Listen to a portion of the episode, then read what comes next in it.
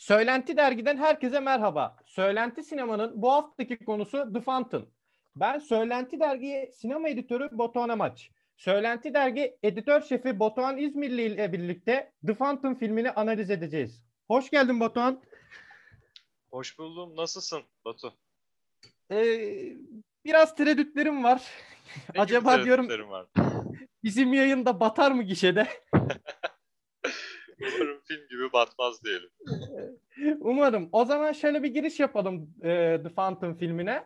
E, The Phantom filmine baktığımızda e, geçmiş, bugün ve gelecekteki üç ayrı aşk hikayesini tarih, din, bilim kurgu ve fantastik öğeler üzerinden harmanladığını söyleyebiliriz.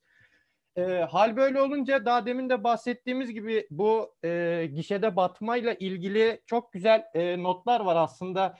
Filmi izleyen ya da filmi duyup bir merak edip hani araştırma yapmak isteyenler e, isteyenlerin karşısına şu senaryo oldukça e, net bir şekilde çıkıyor. Öncelikle yapımcı e, bütçede azalmaya gidiyor. Başrol oyuncusu olarak Brad Pitt düşünülüyor. E, onunla görüşülüyor. Fakat e, senaryoya baktığında e, bazı noktaları eksik buluyor ve bütçedeki azalma yüzünden filmden ayrılıyor. E, tüm bunlara e, rağmen e, yönetmen filmi çekiyor ve film e, Hugh Jackman'ın en iyi oyunculuk performansı sergilediği ve izleyenlerin çoğunun burada tırnak açmak istiyorum. Hayatımın filmi olarak adlandırdığı bir filme dönüşüyor. E, bu tırnağın e, içini doldurmak e, istiyorum aslında ben.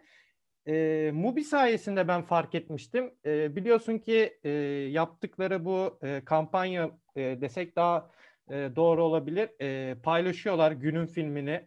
Orada denk gelmişti aslında. İlk e, filmi açtığımda Allah Allah dedim. Aşk filmi de çok izleyen birisi değilim yani. O konulara pek e, hani tercih etmiyorum. Daha çok işte Godfather tarzı böyle e, ya da biraz daha e, montajın üst e, olduğu yani örnek vermem gerekirse işte Reha Erdem sineması tarzı daha çok e, hoşuma gidiyor. Fakat e, genel olarak e, dikkatimi çeken filmleri, o e, dizileri olsun izliyorum. Böyle bir giriş yaptıktan sonra e, sen bu konu hakkında ne düşünüyorsun? Hmm, Evet yani ben de Phantom'ı kaç sene önce izlemiştim.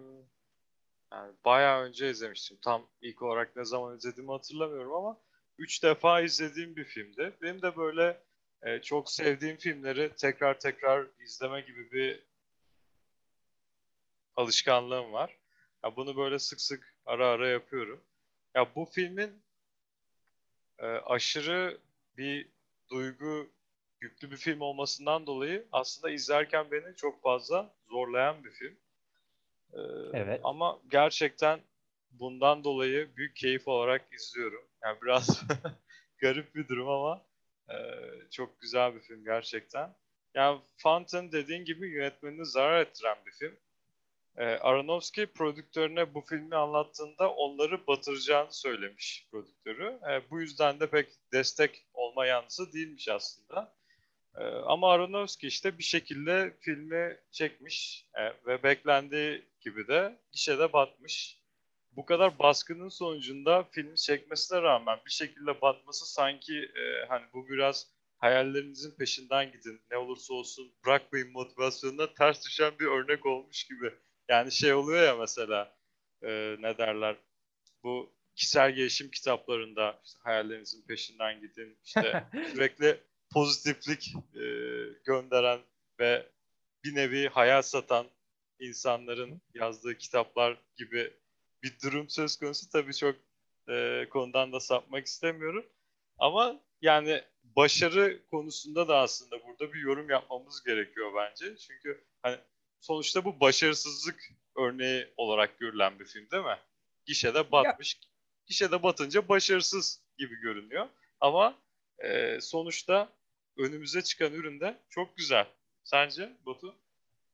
Ya şimdi başarıyı neye göre hani bunun kriteri ne? Tabii ki de hani bir film çekiyorsan elbette para ilk sorulan şey para yani paraya göre Aynen. e, tabii ki de şekilleniyor filmin e, süreci.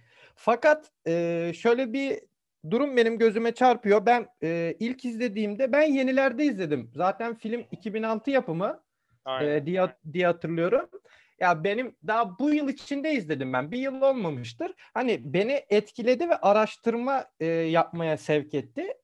Evet. Şöyle bir e, durum karşıma çıktı. Daha demin de söylediğim gibi hayatımın filmi hani gerçekten çok anlam yüklü ve biraz da e, benim hani sinema olarak hani şu tarz filmleri daha çok severim diye bir kalıp vardır yani ben biraz Evet. daha mesela e, yönetmenin gözünden bir montajın daha ön planda olduğu. Elbette ki e, The Phantom bir hikaye anlatıyor. Asla hikaye anlatmıyor diyemem ama e, hikayeyi e, içeriği daha doğrusu biçim olarak yansıtıyor. Biçim aslında burada bize içeriği yansıtıyor. Hani o yüzden e, işte senaryoyla bir e, bazı bir eksiklik gelebilir. İşte e, anlamanın zorlaştığı bazı yerler olabilir ya da filmin bütününde abi biz ne izledik ya hani diye de bilirsin. Bir bakıyorsun İspanya İç Savaşı bir tane kendine bir evren e, kurmuş yönetmenin gözü. E, diğer yan e, diğer yanda hastanede e, eşini kurtarmak isteyen birisi var. Hani bunlar bütünleştiğinde yani kısacası e, şöyle diyorum ben zamanla e, film büyümüş. Ben bunu çok seviyorum. E, işte bunun en büyük örneği de her zaman söylüyorum David Fincher. İşte Fight Club'ı Yes. niye bu kadar ciddiye aldınız diyordu zaten zamanında. Zamanla büyüdü. Ya Seven'da belki dönemine göre hani ne kadar e, hani e, güzel bir yapıt oldu. Yani harika bir Evet. film olduğu tartışılıyorken şu an tartışılmıyor. Gerçi Aron, e, Aronofsky'nin The Fountain'ı da benim için öyle yani gördüğüm kadarıyla izlenimlerim bu yönde. Hani e, böyle bir zamanla kendini bulmuş ve yükselmiş. Belki de e, Brad Pitt'in oynamaması bu açıdan da çok iyi. Çünkü Evet. e, filmin üstünde bir e, şeyde e, oyuncuydu. Yani karakteri de yansıtması nasıl olabilirdi? Tabii ki bunlar hep e, ucu açık sorular ve hiçbir zaman da bilemeyeceğiz. Ama yani benim e, filme dair görüşlerim bu yönde. Senin Evet. bu konular hakkında eklemek istediğin bir şey var mı? Evet, ben de birkaç bir şey daha ekleyeyim bununla ilgili. Yani filmi sevenin çok olduğu gibi sevmeyen de oldukça fazla bu filmi. Ya bazı insanlar bu tarz filmleri e, sürekli belli bir mantığa dayandırarak yorumlamayı ve e, açık bulmaya çalışarak izlemeyi çok seviyorlar. E, ya benim pek tarzım olmadığı için hikayenin özüne odaklanarak izlemeyi tercih ediyorum ben. E, mesela şu an aklıma Interstellar geldi. Yani onun ilk çıktığı zamanlarda şöyle olmuştu işte. Ee, insanlar filmin içindeki zamansal veya teorik açıkları bulmaya sürekli böyle bir odaklanmışlar. Hatta şeyi hatırlıyorum böyle. Ekşi Sözlük'te bu çok fazla oluyordu. Bakıyorum böyle e, böyle inanılmaz teorik bilgileri önüne sererek bunlarla ilgili çok farklı yorumlar yapıyorlardı. Ee, ben hikayeleri bu şekilde yorumlamayı pek sevmiyorum. Evet belki bazı noktalarda hikayeyi bozacak düzeydeki mantık hataları herkesin dikkatini çekiyor. Bunda hemfikiriz, sıkıntı yok ama bunun haricindeki kurgusal e, bir dünyanın minik açıklarını ben fazla önemsemiyorum. Zaten kurgusal bir dünyadan bahsediyoruz burada. Ee, evet yani yapısal olarak filmde birkaç sıkıntı bulabiliriz. Bunda ben de okeyim ama bütününe baktığımızda önümüzde bence şahane bir yapım ortaya çıkıyor. Ben e, oldukça beğendim zaten. Söylemiştim ve sana tekrardan mikrofonu bırakıyorum. Böyle şey gibi oldu biraz. Teşekkür ederim. Tartışma programları var. Burada filmi tartışıyoruz evet. Şimdi aslında çok güzel noktalara değindin. Dedin işte bazı ufak hani kurguda hatalar olabilir ya da hani bunlara katılıyorum dedin. Ben de tam bu noktada işte The Fountain'ı Rudolf Arheim üzerinden değerlendirmek istiyorum. İşte biraz da montajın öne çıkmasıyla birlikte e, Rudolf Arheim isminin e, söylediği kuramın bahsettiği bu arada e, Rudolf Arheim e, ilk sinema kuramcılarının en önemlerin e, en önemlilerinden birisi.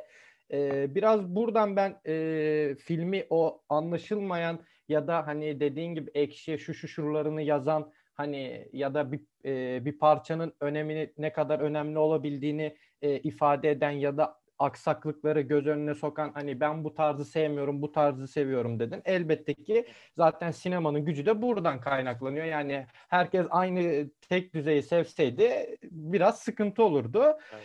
O zaman ben şimdi Rudolf Arheim'den girmişken e, devam edeyim. Ee, Merakla bekliyoruz gibi böyle bir yandan gireyim ben. Evet, Tabii. sendeyiz.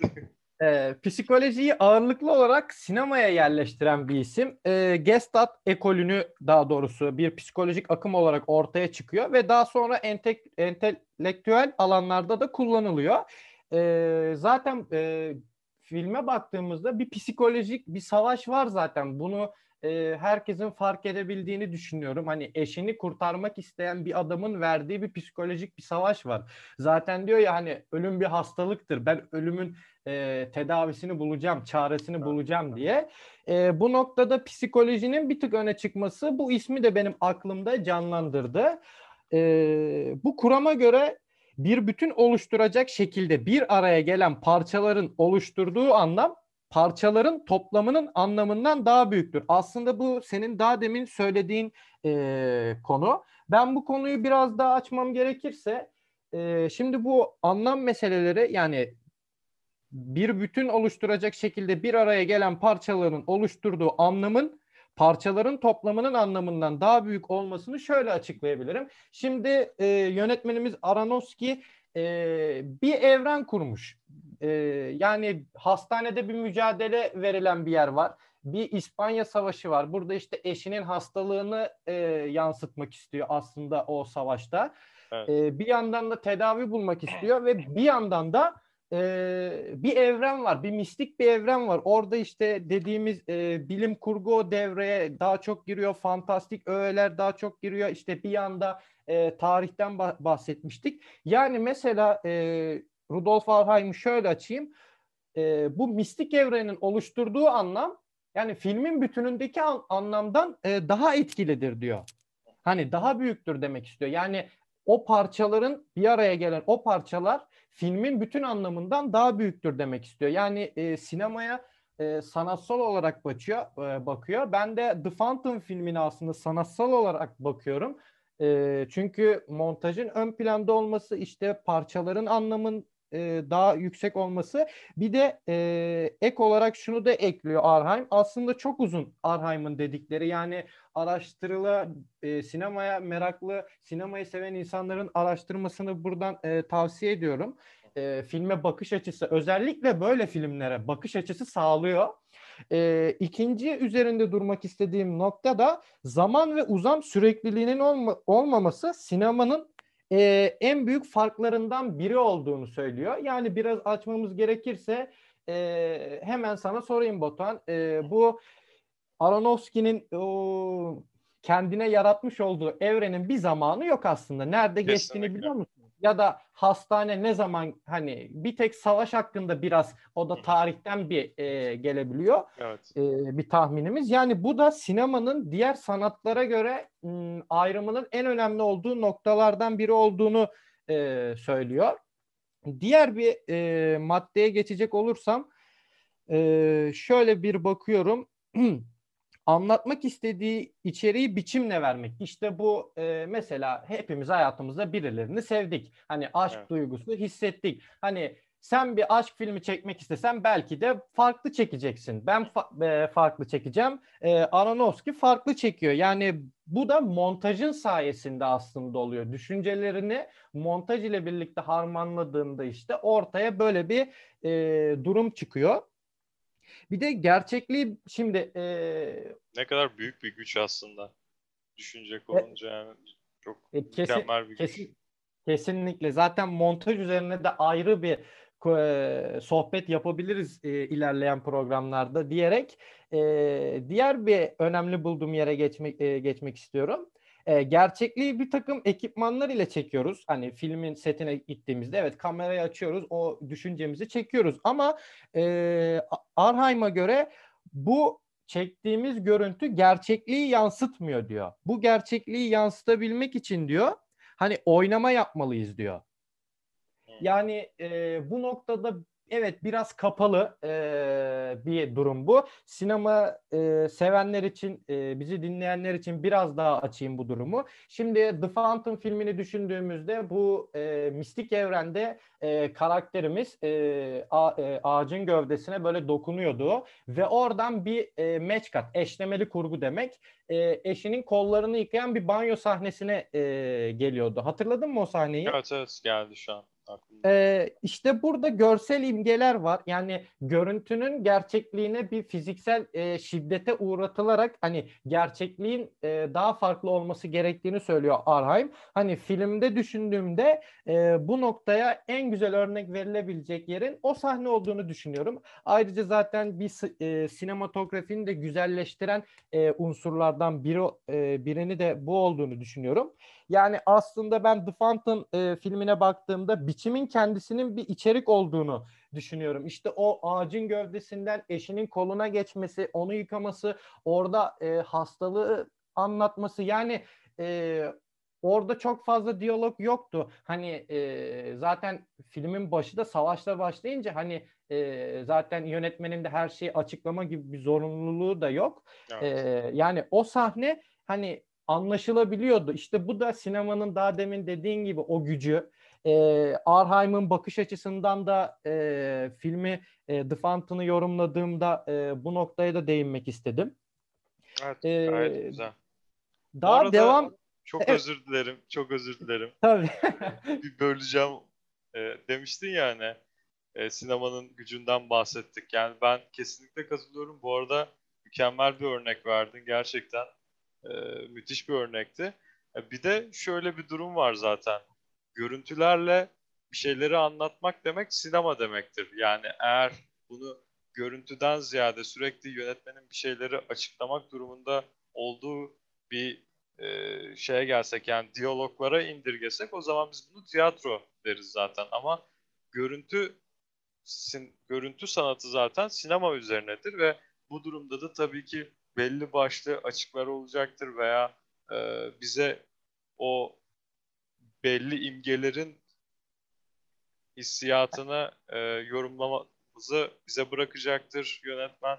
Ya bu tarz durumlar sinemanın doğasında olan bir şey. Hatta biz zaten sinemayı bu yüzden seviyoruz. Bu arada kusura bakma böldüm seni Batu. yok yok çok iyi bir noktaya değindin. Tam ben girecektim aslında o noktaya. Ee, daha demin e, dediğin gibi sinemanın e, diğer sanatlardan farklı olması özellikle işte tiyatro ile birlikte. Çünkü e, sinemanın tiyatrodan daha farklı bir e, yerde olduğunu düşünüyor Arheim. E, işte o sinemanın e, montajın gücü üzerine en çok çalışan e, e, kişinin ismi ise Sergey Eisenstein. E, bunların aslında bir birlik oluşturduğunda e, The Fountain'a bakıldığında ben daha da anlamlı buluyorum. Yaklaşık bir 3 üç defa izledim. Her izlediğimde farklı bir anlamlar işte o montajın gücü işte daha demin örnek verdiğim e, Arheim'in o, o noktaları. Hani ilk izlediğimde e, canlanmadı aslında filmin o daha demin dediğin gibi hani bir kapalılık hani bazen e, seyirciye bırakılmak istenmesi durumu hani e, bunların bütününde oluşturduğu anlam e, benim için böyle. Dediğin gibi bu farklılık e, bizim sinemayı sevmemize neden, e, sinemanın gücünü e, diğer sanatlara göre daha ayrı bir noktaya getiren bir neden. E, o zaman bu başlık altında eklemek istediğim bir şey var mı? Yoksa diğer e, konu başlıklarımıza geçelim. Diğerlerine geçelim bakalım Batu. Tamam. Ee, şimdi kurulan üç evrenin iç içe geçmesi bir durum var. Böyle bir durum evet, var. Daha evet. demin de sözünü ettiğimiz gibi. Karakterin üzerinde nasıl bir etki yaratıyor sence? Ee, yani senaryonun anlaşılamadığını düşünüyor musun? Böyle bir şey var mı? Yaratıyor mu sence? Ya da üç evrenin arasında bir bağlantı yakalayabildin mi? Ee, evet. Bir diğer sorum da e, biraz fazla oldu biliyorum ama e, bir filmi sadece hikayesi için izler misin? Yani filmdeki sinematografi içinde e, izlediğin oluyor mu? The Fountain'ı nasıl değerlendiriyorsun bu konu hakkında? Evet, bu sorularınla ilgili o zaman bir toparlayıp aklımdakileri seninle paylaşayım Batu. Ee, yani Batu şöyle diyebiliriz. Zaten kurulan evrenlerin iç içe geçmesi hikayenin en önemli noktası gerçekten. E, odak noktamız burası. hikayenin akışı düzensiz bir şekilde ilerliyor zaten. Giriş, gelişme ve sonuç olarak ilerlemiyordu. Ee, evet. Üç farklı Tommy karakterimiz vardı. Bunlar farklı şekilde e, yorumlayabiliriz ama yıllar açısından değerlendirecek olursak hani o ilk baştaki savaş sahnesinden bahsettin ya ona biz 1500 yıllarda e, kraliçesi için canını feda etmeye hazır ve zorlu bir görev göreve çıkan şövalye olarak değerlendiriyoruz. Yani e, tahminen 1500'lü yıllardır diyebiliriz. E, diğer zaten filmin geçtiği yıl olan 2000'li yıllarda hikayemizin ana parçasını oluşturan Tommy ve son olarak da kürede seyahat eden Tommy'nin gelecekteki halini görürüz. Yani aslında kürede seyahat eden demek biraz garip dursa da izleyenler bunu zaten e, izlerken anlayacaktır. Bunu e, gelecekteki Tommy olarak da diyebiliriz veya işte Tommy'nin e, düşüncelerinin yansıması olarak da değerlendirebiliriz. E, şimdi gelecekteki saçı olmayan Tommy'yi 2000'li yıllarda ölümsüzlüğü bulmaya hayatının amacı haline getirmiş Tommy'nin gelecekte olduğu kişi olarak yorumlayabiliyoruz bunu. Çünkü ikisi arasında bir bağlantı var. Hikaye bağlamında kraliçeyi kurtarmaya çalışan savaşçı olan Tom ile bağlantısı olmamasına rağmen hikayeyi yazan kişi Isabel veya Izzy de diyordu. Ve bu üç kahramanın tek bir amacı ölümsüzlüğü bulmak aslında. Yani üç tane kahramanımız var. Farklı e, olarak değerlendirebileceğimiz zaman dilimlerinde olan işte 1500 yıllarda olan Tom, işte 2000'lerdeki Tommy veya işte gelecekte dediğimiz veya tam olarak ne olduğu belli olmayan e, kürede ilerleyen Tommy var. Aslında hepsinin kendi işlerinde yaptıkları bir yolculuk, bir macera var bunların. E, 1500 yıllardaki Tom'a bakacak olursak e, tam olarak bir medieval romance dediğimiz şövalye hikayelerinden birini görüyoruz. E, şövalye kraliçesi için zorlu bir maceraya atılıyor. Bu macera ülkesi için ne kadar kutsal bir macera olsa da aynı zamanda e, sevgi için yaptığı bir macera olduğu için de sevginin kutsallığını bizlere gösteriyor aslında bu durum. Ee, ülkesi ve kraliçesine olan sevgisini birleşip Tom için yaşam enerjisi haline geliyor diyebiliriz. Ee, bu arada gelecekteki Tommy dediğimiz karakterle ilgili de şöyle bir dipnot düşmem gerekiyor sanırım. Ya aslında onun gelecekte olduğunu gösteren elimizde hiçbir şey yok belki de Tommy'nin zihninde yarattığı bir karakterin yansımasını görüyoruz. Bu yüzden sadece tahminlerle hareket etmemiz gerekiyor. Yani o hikaye bağlamındaki üç karakter arasında e, böyle bir durum var. Yani ilk baştaki e, medieval dönemdeki şövalyeden baktığımızda işte 1500 yıllardaki Tom diyoruz. İşte onun olayı neydi? E, izinin yazdığı bir hikayenin bir parçasıydı aslında bu. E, 2000'lerdeki işte eşini kurtarmaya çalışan Doktor Tommy var. E bu Doktor Tommy'nin belli bir amacı var. Bu iki e, hikaye arasındaki farkı görebiliyoruz. Ama hani, üçüncü sadece o küreyle gökyüzüne doğru hareket etmeye çalış hareket eden e, Tommy hakkında e, tam olarak diyebileceğimiz bir bilgi yok. Yani işte tam olarak gelecekte işte şunu arıyor, bunu arıyor diyemiyoruz. Ama mesela bir çıkarım yapacak olursak şey diyebiliriz. E, 2000'li yıllardaki Tommy ne diyordu? Sen de zaten daha önceden tekrarlamıştın. İşte hastalık, öl, yok e, ölüm bir hastalıktır diyordu değil mi Batu? Evet ben onun ha. çaresini bulacağım. Ha. Tek bir çaresi ha. var ben onu bulacağım diyordu. Ha, aynen. Onu diyordu. Yani onu şu şekilde belki de yorumlayabiliriz.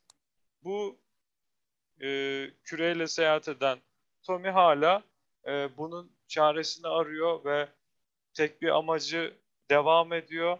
Yani onun bir gelecekteki hali diyebiliriz veya zihninde oluşturduğu biri de diyebiliriz ama gelecekteki hali olarak da yorumlayabiliriz bunu.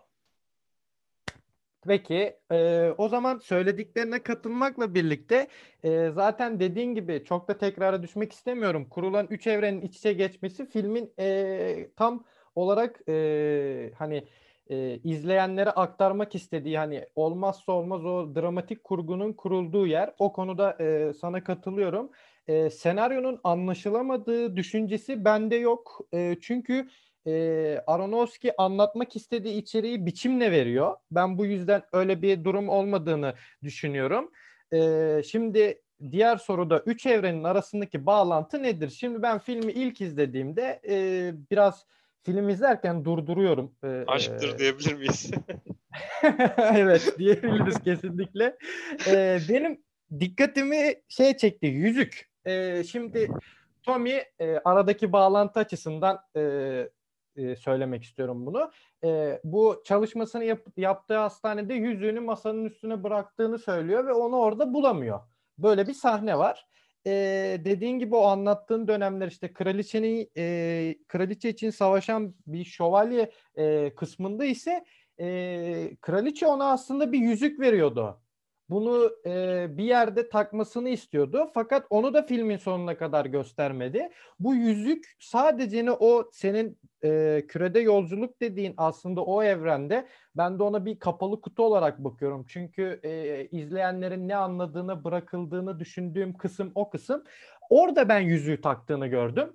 Bu e, filmi izlediğimde ben e, bir iki üç gün bunu düşündüm. Hani arasındaki bağlantı acaba bir yüzük müydü? Hani e, çünkü tabii ki de e, bir hikaye anlatıyor. Her ne kadar içeriği biçimle veriyor dediysem de bir hikaye var ve bu hikayedeki evet. önemli noktanın ben yüzük olduğunu düşünüyorum. Aslında e, çok pardon yine giriyorum araya da aslında hani ben dedim ya gelecekteki Tommy o olabilir diye aslında onun da bir örneği bu söylediğin şey. Hani evet, ne yapıyordu? Evet. Yüzüğü kaybediyor ama işte yıllar sonra aynı şekilde o e, yüzüğü takıyor ve hani tam olarak bu karakterler arasındaki bağlantıyı görüyoruz. Kesinlikle güzel bir örnek oldu. Benim yerime sen vermiş oldun örneği. Çok tamamlayıcı oldu bence senin söylediğinle evet. benim e, söylediğim. E, bu açıdan çok e, bağlantının kurulduğu yani sorunun e, içini de doldurduğumuzu düşünüyorum. E, filmin e, sinematografi için ben kesinlikle izlerdim. E, son izlediğimde hatta dedim ki yüzük muhabbetlerine falan hiç bakmayacağım. Hani düz izleyeceğim yoksa çok karışacak kafam. İşte savaş sahnesindeki yer işte o e, küredeki yolculuk e, Tommy'nin Tommy'nin şeyi bulmak istemesi, ölümsüzlüğü bulmak istemesi hani dümdüz izlediğimde de beni aslında e, şey olarak seyir olarak doyurdu. Fakat e, The Phantom nasıl kişide battı? Onu da hala merak ediyorum yani. Bazen aklıma gelmiyor değil. E, çünkü yani herkesin bir şey e, bulabileceği ben yüzüğü buldum. Sen söylediklerini buldun ve birbirimizi hani bağlantıyı kurduk. Yani bilmiyorum batacak kadar hani kapalı bir film olmadığını düşünüyorum. Kesinlikle. Özellikle de herkesin bir şey bulabileceğini düşünüyorum. Acaba insanlar e, yaşadıkça mı The Fountain'ı hatırladı? Hani hayatımın filmi e, diyorlar ya programında başında başında söylemiştim. Hani zamanla büyüdükçe mi acaba bu e, filmin anlamı ortaya çıktı. O da tabii bir ayrı soru. Tabii bunlar e, katılırsın katılmazsın e, sevgili dinleyenlerimiz de aynı şekilde benim düşüncelerim. E, bu noktada ben filmin e, özellikle o çok yaratıcı buluyorum. Tekrar üstünde durmak istiyorum. O e, küredeki yolculuktan o ağacın gövdesinden e, izinin koluna geçişteki cut eşlemeli kurgu yani e, iki nesne arasındaki bağlantı yani gerçekten çok hoştu ya. Onun için bile evet. tekrar e, yayını yayını sonlandırdıktan sonra izleyebilirim. Yani çok estetik buldum ve çok e, anlamlı bulmuştum.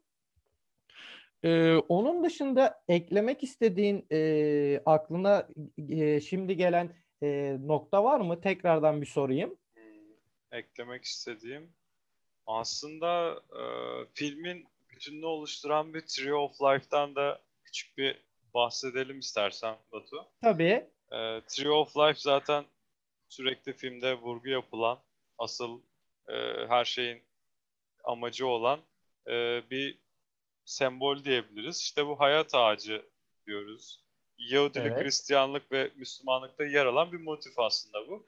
E, dünyanın merkezinde olduğu düşünülen bu ağaç hayatın başlangıcını hatta direkt hayatın kendisini sembolize ediyor. Tree of Life. Ee, çok farklı kültürlerde Tree of Life'ı görebiliriz aslında. Mayalılardan Keltlere, Budizm'den Nordik mitolojisine kadar görebiliriz. Ee, Tree of Life'ın gövdesi yeryüzünün diplerine kadar uzanıyor. Yaprakları da gökyüzüne kadar erişiyor. Yani Tree of Life'ı yaşamın bir parçası ve her şeyin bağlantısı olarak düşünebiliriz.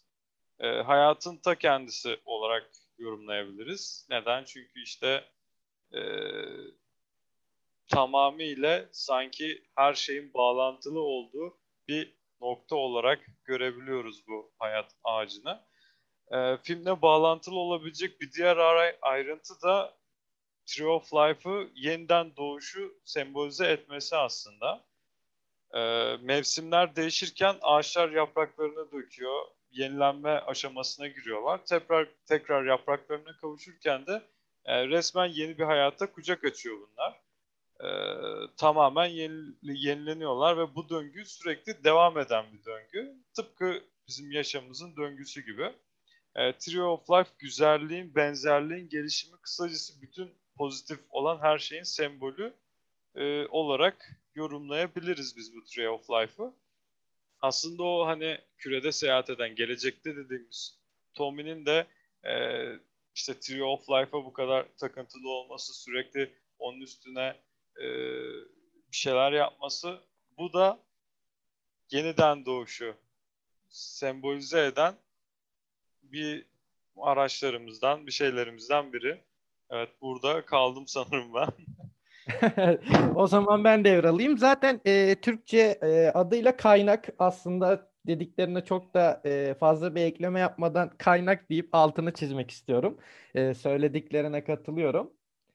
E, o zaman söylenti sinemanın bu haftaki konusunu burada noktalayalım. E, gişede batan ama bizler için e, anlamlı olan hayatımızın e, filmi olarak adlandırabileceğimiz e, film hakkında söyleyeceklerimiz e, bu kadar. Bizi dinlediğiniz için teşekkür ederiz. Bir sonraki Söylenti Sinema'da buluşmak dileğiyle. Hoşçakalın. Hoşçakalın.